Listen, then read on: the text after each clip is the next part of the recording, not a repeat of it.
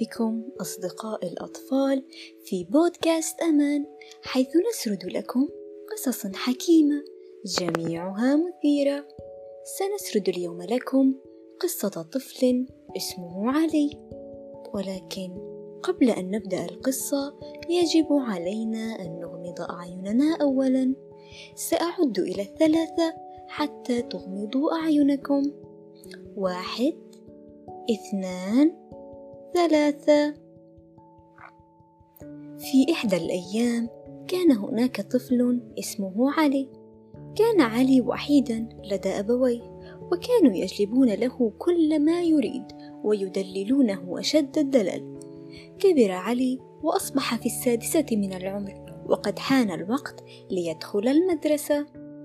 دخل علي المدرسة وبدأ والديه بمتابعة دروسه بحرص شديد. فكانوا يريدونه أن يصبح طبيبا عندما يكبر. وفعلا كان علي تلميذ ذكي ومجتهد في دروسه إلا أنه كان يكره حصص الرياضيات وكانت علاماته سيئة في هذه المادة. لكنه كان يخفي علاماته عن والديه حتى لا يحزنهم.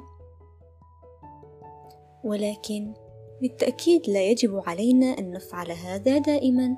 فأحيانا يجب علينا أن نطلب المساعدة أليس كذلك يا أطفال؟ ومع مرور السنين كان علي يتراجع مستواه الأكاديمي في جميع المواد وبدأ أهله وبدأ أهله بملاحظة ذلك وأصبحوا يلومونه على إهماله في دروسه لكنه كان يجتهد على قدر المستطاع فقط لإرضاء أهله إلا أنه لم يكن مهتما أبدا بالمدرسة وكان يحزن كثيرا. كلما سمع والديه يتحدثون فيما بينهم عن رغبتهم في أن يصبح طبيبا. لأنه كان يريد أن يصبح رساما فكان يحب الرسم كثيرا كما كان موهوبا فيه. فكان يستطيع رسم كل ما يراه أمام عينيه وكان يرسم بجميع أنواع الأقلام وحتى كان يرسم على التراب. والرمل والفحم والقهوة ويبتكر طرقا مستحدثة للرسم.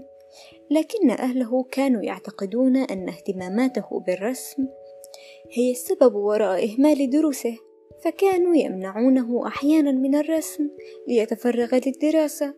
لكنه مع ذلك لم يكن يحصل على علامات جيدة لأنه لم يكن يركز في الحصص المدرسية وكان دائما شارد الذهن كئيبا لكن ليس في يده حيلة فهو الابن الوحيد لوالديه وعليه أن يحقق أحلامهم وطموحاتهم بأن يصبح طبيبا. لاعتقادهم أنهم سيفتخرون به فقط إذا كان طبيبا. مرت السنين وكبر علي وأصبح في المرحلة الثانوية الأخيرة له في المدرسة. وكما تعرفون أن تلك المرحلة مصيرية لتحديد مستقبله الأكاديمي.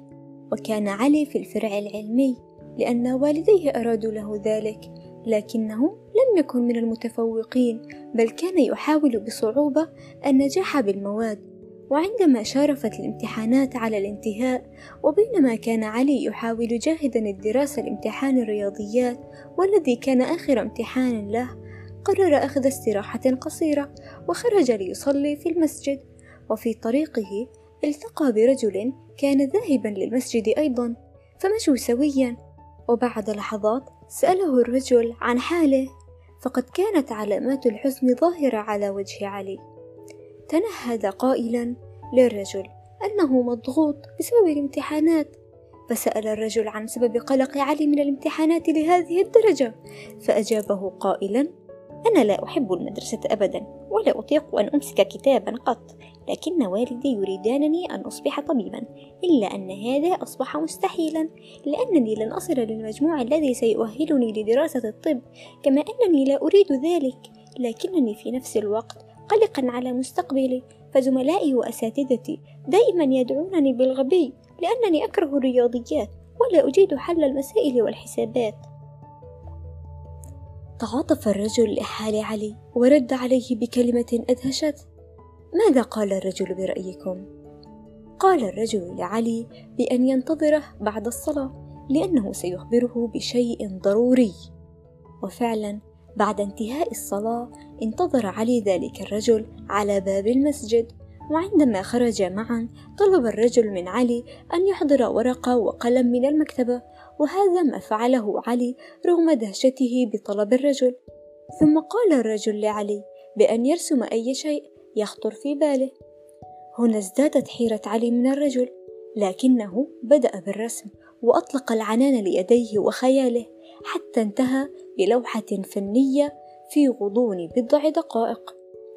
أمسك الرجل الورقة وتأملها جيدا ثم أخبر علي قائلا لقد استوقفني كلامك عندما قلت لي أن زملائك ومعلميك يدعونك بالغبي فقط لأنك لا تحب الرياضيات. أو أنك غير متميز في المدرسة بشكل عام. لكن يا بني الذكاء لا يقتصر على التفوق في المدرسة. فهناك أنواع عديدة للذكاء. وعندما نظرت إلى حقيبتك لفتتني رسمتك الرائعة بقلم الحبر عليها حينها عرفت أنك ذكي في الخيال والإبداع الفني. والآن أريدك أن تذهب لمنزلك وتكمل دراسة امتحانك حتى تتخطى مرحلة المدرسة بنجاح وتفرح والديك لكن عليك أن تصارحهم أيضا بعدم رغبتك بإكمال الدراسة الأكاديمية. حتى لا تبذل من جهدك ووقتك في شيء ستفشل به لعدم رغبتك به. فأنت يا علي تملك كنز عليك استغلاله وتطويره. فأرى أن مستقبلك هو الالتحاق بمعهد الفنون. ولتطلق العنان لذكائك الخاص بك أن يحلق عاليا في السماء. فرح علي مما قاله الرجل جدا وعاد مسرعا إلى بيته ليصارح والديه برغبته بالالتحاق بمعهد الفنون. وعندما أخبرهم دهش أهله منه في البداية وحاولوا إقناعه لتغيير رأيه لكنهم في النهاية أدركوا أنهم سيفتخرون به عندما يتخصص في مجال اهتمامه وقوته. وبعد شهر ظهرت نتائج الامتحانات ونجح علي لكن مجموعه كان منخفضا جدا إلا أنه لم يحزن بل ذهب لمعهد الفنون وتجاوز اختبار القدرات وبدأ مسيرة تطوير موهبته وهوايته. مرت السنين وتخرج علي من معهد الفنون وكان من أكثر الطلاب تميزا وإبداعا في الرسم وقرر بعدها أن يفتتح معرضا للوحاته الخاصة وهكذا أصبح علي من أشهر الرسامين وكان والديه فخورين به جدا انتهت القصة لكن قبل أن تذهبوا يا أطفال ما الدرس الذي تعلمناه من هذه القصة؟ أحسنتم الدرس الذي تعلمناه هو أننا جميعا متميزون وعلينا أن نقدر ذواتنا ونكون أقوياء في التعبير عن رغباتنا ومشاعرنا باحترام كما علينا احترام الآخرين وتقبل اختلافاتهم وعدم السخرية منهم أبدا. وأنتم ما هو ذكاؤكم المختلف؟ وهل ستتبعونه وتعملوا عليه؟ أتمنى ذلك. أما الآن فأتمنى لكم أحلاما سعيدة تصبحون على خير.